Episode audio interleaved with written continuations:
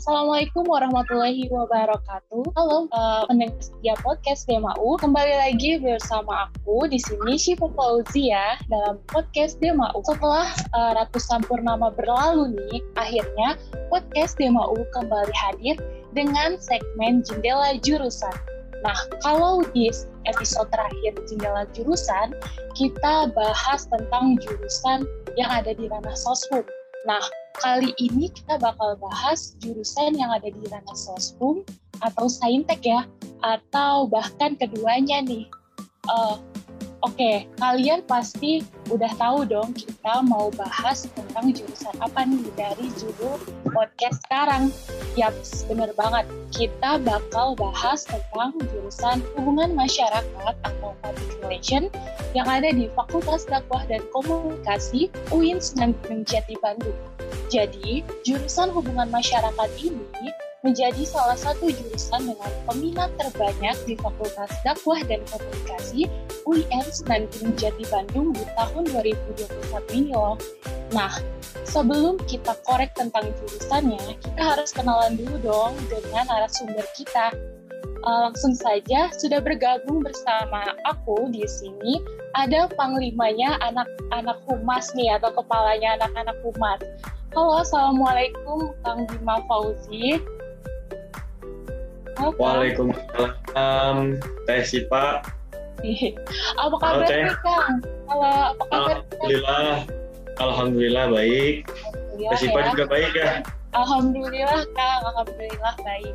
Gimana nih Kang, uh, akhir-akhir ini kegiatannya selain kuliah online dong pastinya? Alhamdulillah kegiatannya cukup padat merayap karena memang karena memang sekarang kan musim kalau dibilang musim gitu ya musim kalender organisasi yang sedang padat-padatnya gitu. Ditambah dengan kuliah yang dipadukan dengan semester akhir lah. Begitulah kira-kira sudah terbayangkan mungkin sama teman-teman di sini juga yang mendengarkan. Apa tadi teh namanya teh untuk pendengar setianya teh? Podcast. Uh, sobat sobat DMAU Kang namanya oke okay, teman-teman sobat DMAU ya pasti sudah membayangkan gitulah gimana rasa situasi di bulan sekarang ini gitu ya. Tak kenal maka kata sayang Kang, kita taruh dulu dong. Jadi Kang okay. Bima itu siapa sih, terus semester berapa gitu?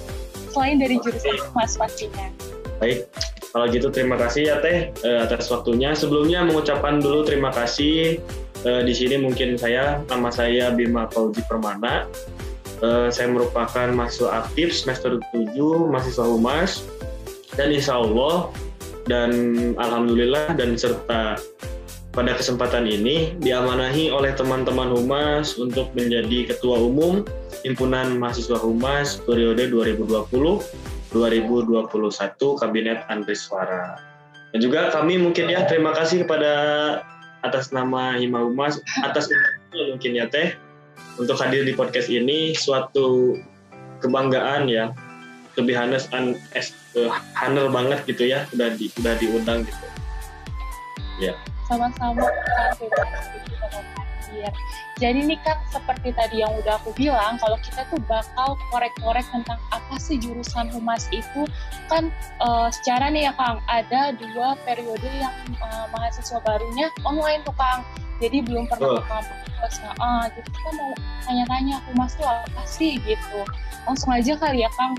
Hubungan masyarakat atau humas tuh apa sih? Gitu. Terus uh, kenapa kalau di UIN itu masuknya ke dalam fakultas dakwah dan komunikasi kang? Bisa dijawab Oke, okay, jadi izin jawab ya. Uh, mungkin selebihnya ketika teman-teman setia sobat DMAU mungkinnya di sini kemudian tes siswa juga. Bahwa humas itu apa sih? Jadi humas itu kita kita biasa sebut ya uh, public relation gitu ya. Adalah sebuah jurusan yang memang di dalamnya itu membahas dan mempelajari tentang kita bagaimana cara kita tentang kita bagaimana cara kita itu bisa menjalankan fungsi komunikasi dengan baik. Itu yang pertama gitu secara garis besarnya teh. Tapi lebih jauh tentang di situ bahwa humas ini berbicara tentang human relation, bagaimana kita cara berhubungan dengan uh, antara manusia dengan manusia lainnya. Kemudian humas itu berbicara juga personal branding. Kemudian humas juga berbicara tentang manajemen function ataupun fungsi manajemen di sana. Ada ada ada yang dinamakan di dalam humas itu step PR gitu ya. Jadi humas itu mengajarkan tentang bagaimana arti citra lebih jauh itu seperti apa artinya citra citra lembaga dan segala macam jadi humas itu merupakan jurusan yang mengarah ke sebuah profesi gitu teh. Jadi di setiap perusahaan itu selalu ada bidang humasnya itu pasti karena untuk memang istilahnya secara garis besar untuk menjaga citra dari perusahaan itu tersebut.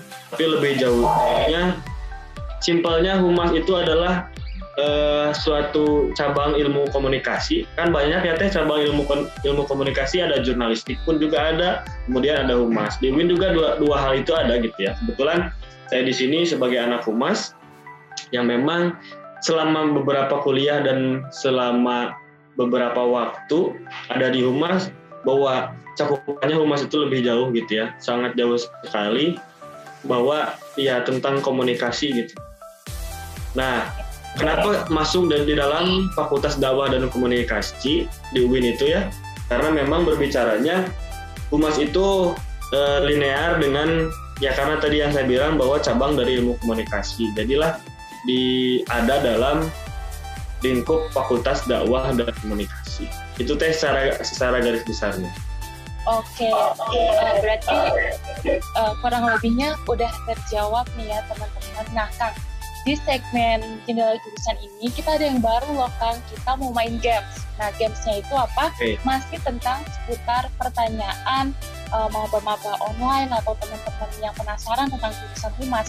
Jadi di sini gamenya itu namanya hoax atau fakta, yang di mana uh, uh, uh, ya jadi aku bakal kasih dua pernyataan yang di mana itu uh, Kang Bima harus milih itu hoax atau fakta gitu. Sekali sekaligus menjelaskan uh, tahu tapi uh, padat ya Kang ya buat okay. uh, kan suka ada nih kayaknya humas bla bla bla bla bla. Nah kita kasih penjelasannya nih di sini ya Kang. Oke? Okay? oh, iya. langsung aja ya Kang. Hoax atau fakta nih Kang. Kalau jurusan humas itu mahasiswanya harus ekstrovert. Nah gimana tuh Kang penjelasannya di waktu enggak teh ini teh enggak dong oh. bebas kamu oh. Oh, bebas. Kenapa hoax atau fakta hoax oh. atau fakta hmm. humas itu mahasiswanya harus ekstrovert ya harus saya kan aduh dibilang ekstrovert atau introvert gitu ya karena dua hal yang itu tidak bisa ngejamin gitu ya teh ya yeah. karena berarti hoax hoax, hoax.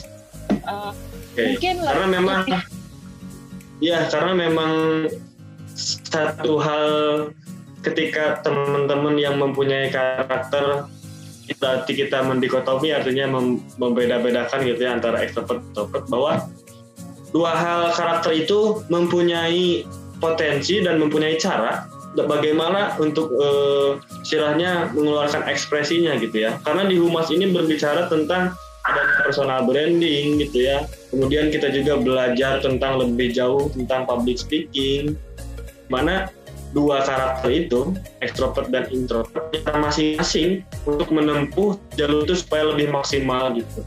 Jadi hoax itu teh. Tidak tidak terbentengi dengan karakter ekstrovert atau introvert gitu. Jadi nggak bisa dikotak-kotakin ya kan ekstrovert harus uh, hmm. yang introvert nggak bisa masuk rumah. Semuanya bisa belajar tentang pastinya. Betul betul. Pertanyaan kedua nih kang hoax atau fakta kalau mahasiswa humas itu harus good looking. Nah, ini yang jadi perbincangan. Kayaknya minder deh masuk humas karena nggak good looking. Emang benar harus good looking, Kang? Fakta sih, karena fakta. memang ketika berbicara good looking kan deh tidak hanya selalu tentang uh, artinya ketika good looking itu harus kita pahami dulu sejauh mana pemahaman good looking itu ya karena memang orang pandangnya good looking itu adalah sesuatu yang uh, taruhlah saya sebut ya di bahasa sekarang kalau good looking itu orang-orang yang memakai branded gitu ya orang-orang yang berpakaiannya juga fashionable kalau menurut saya good looking itu di mana orang tersebut itu mempersiapkan dirinya orang tersebut itu istilahnya mempersiapkan dirinya untuk menghargai dirinya, kemudian menghargai uh, siapa saja yang orang yang mau dia temui gitu. Itu menurut saya. Karena berarti saya jawab tadi fakta gitu. Karena itu harus gitu teh. Ketika kita istilahnya sebelum taruhlah contoh kecil gitu ya ketika kita mau bertemu dengan seseorang gitu ya artinya kita harus menghargai diri kita untuk berpakaian rapih gitu istilahnya tidak harus branded tidak harus fashionable tapi minimalnya rapi sehingga kita bisa menghargai diri kita nanti muncullah good looking itu dan kita bisa terlihat menghargai orang lain gitu. Seperti itu Tiff itu sih lebih lebih ke definisi uh, good looking itu ya Kang. Yang penting oh. rapi enak dilihat biar pede gitu ya. Betul betul. uh, betul.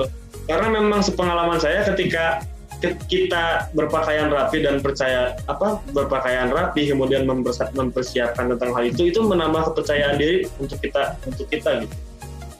Iya.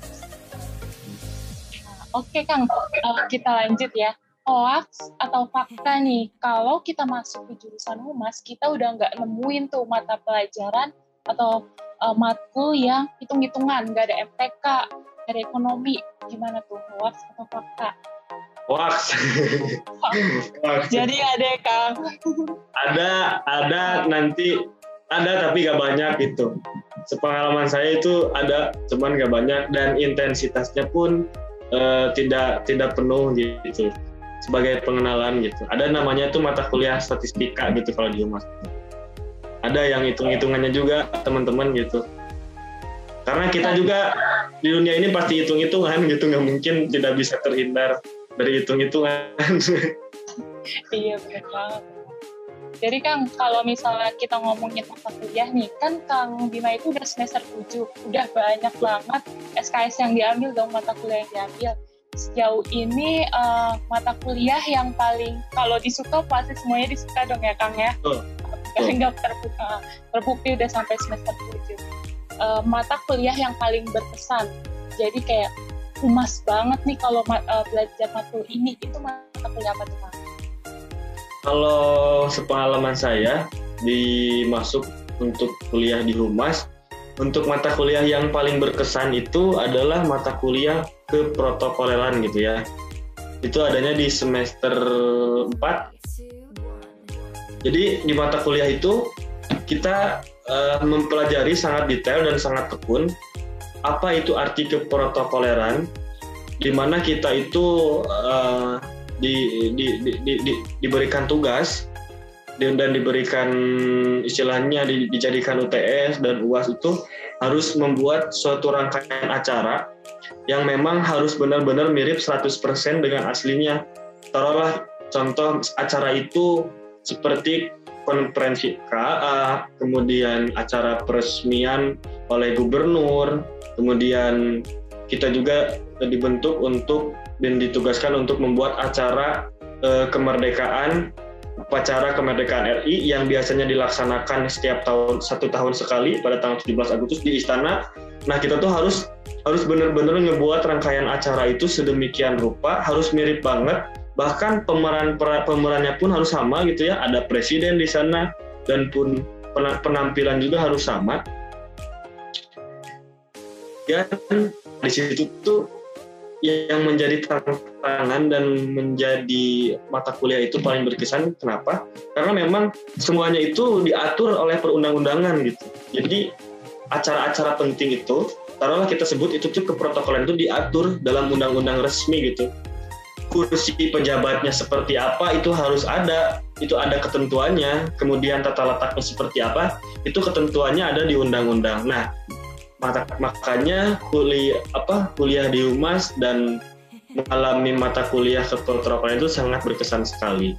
Dan juga di di akhir di UAS itu ada eh, untuk UAS keprotokolan ini ada yang namanya table manner. Bagaimana caranya kita eh, istilahnya bagaimana caranya kita makan tetapi dengan manners dan tata krama yang telah ditentukan. Ada aturannya gitu dan itu memang memang sangat bermanfaat sekali ketika kita itu nantinya setelah keluar dari humas maksudnya setelah keluar dari menjadi mahasiswa dan dan terjun di dunia luar itu sangat kepakai sekali untuk modal kita bertemu dan berhubungan dengan orang yang memang dalam hubungan formil gitu. Gitu sih teh. Jadi mata kuliah gitu menarik banget ya kan dari ceritanya jadi nanti uh, teman-teman pendengar podcast Demau ini, apalagi khususnya anak-anak humas nih, pasti bakal ngalamin apa yang Kang Bima alami di semester berapa Kang? 6 ya? Semester 7. Oh, semester oh, 7. Di, oh, di semester apa mata kuliahnya? Uh, yang tadi disebutin itu. Di semester 4. Oh, di semester, semester 4. 4. Oh, wow, semester 4 udah belajar ya. Nah, uh, here nih Kang, ini uh, aku dapat survei ini dari Google.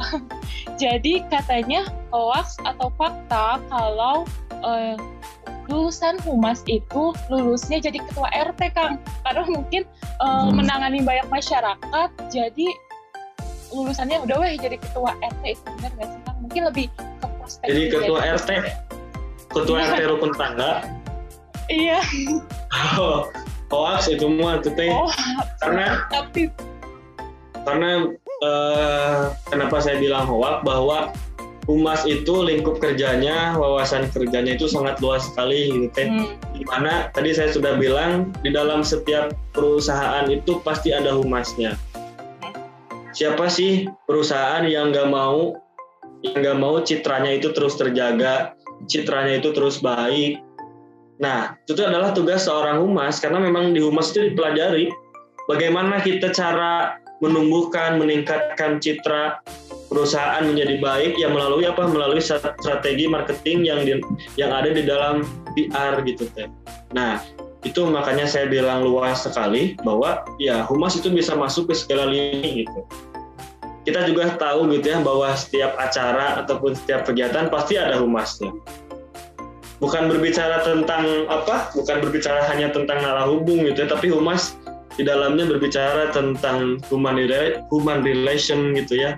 Kita bisa berbicara berhubungan baik dengan uh, publik internal dan eksternal gitu ya. Banyak hal yang memang ada dalam cakupan, cakupan bidang humas itu sendiri gitu ya. jadi itu jawabannya teh. Jadi untuk games yang ter apa yang pertanyaan barusan hoax atau fakta bahwa humas lulusannya menjadi ketua RT ya hoax kalau kasih fakta sih fakta. Itu bisa jadi di samping mungkin ya di samping dunia kerja tapi kan di rumahnya di sekitaran rumahnya bermanfaat mungkin ya bagi masyarakat sehingga dipercayailah menjadi ketua RT gitu.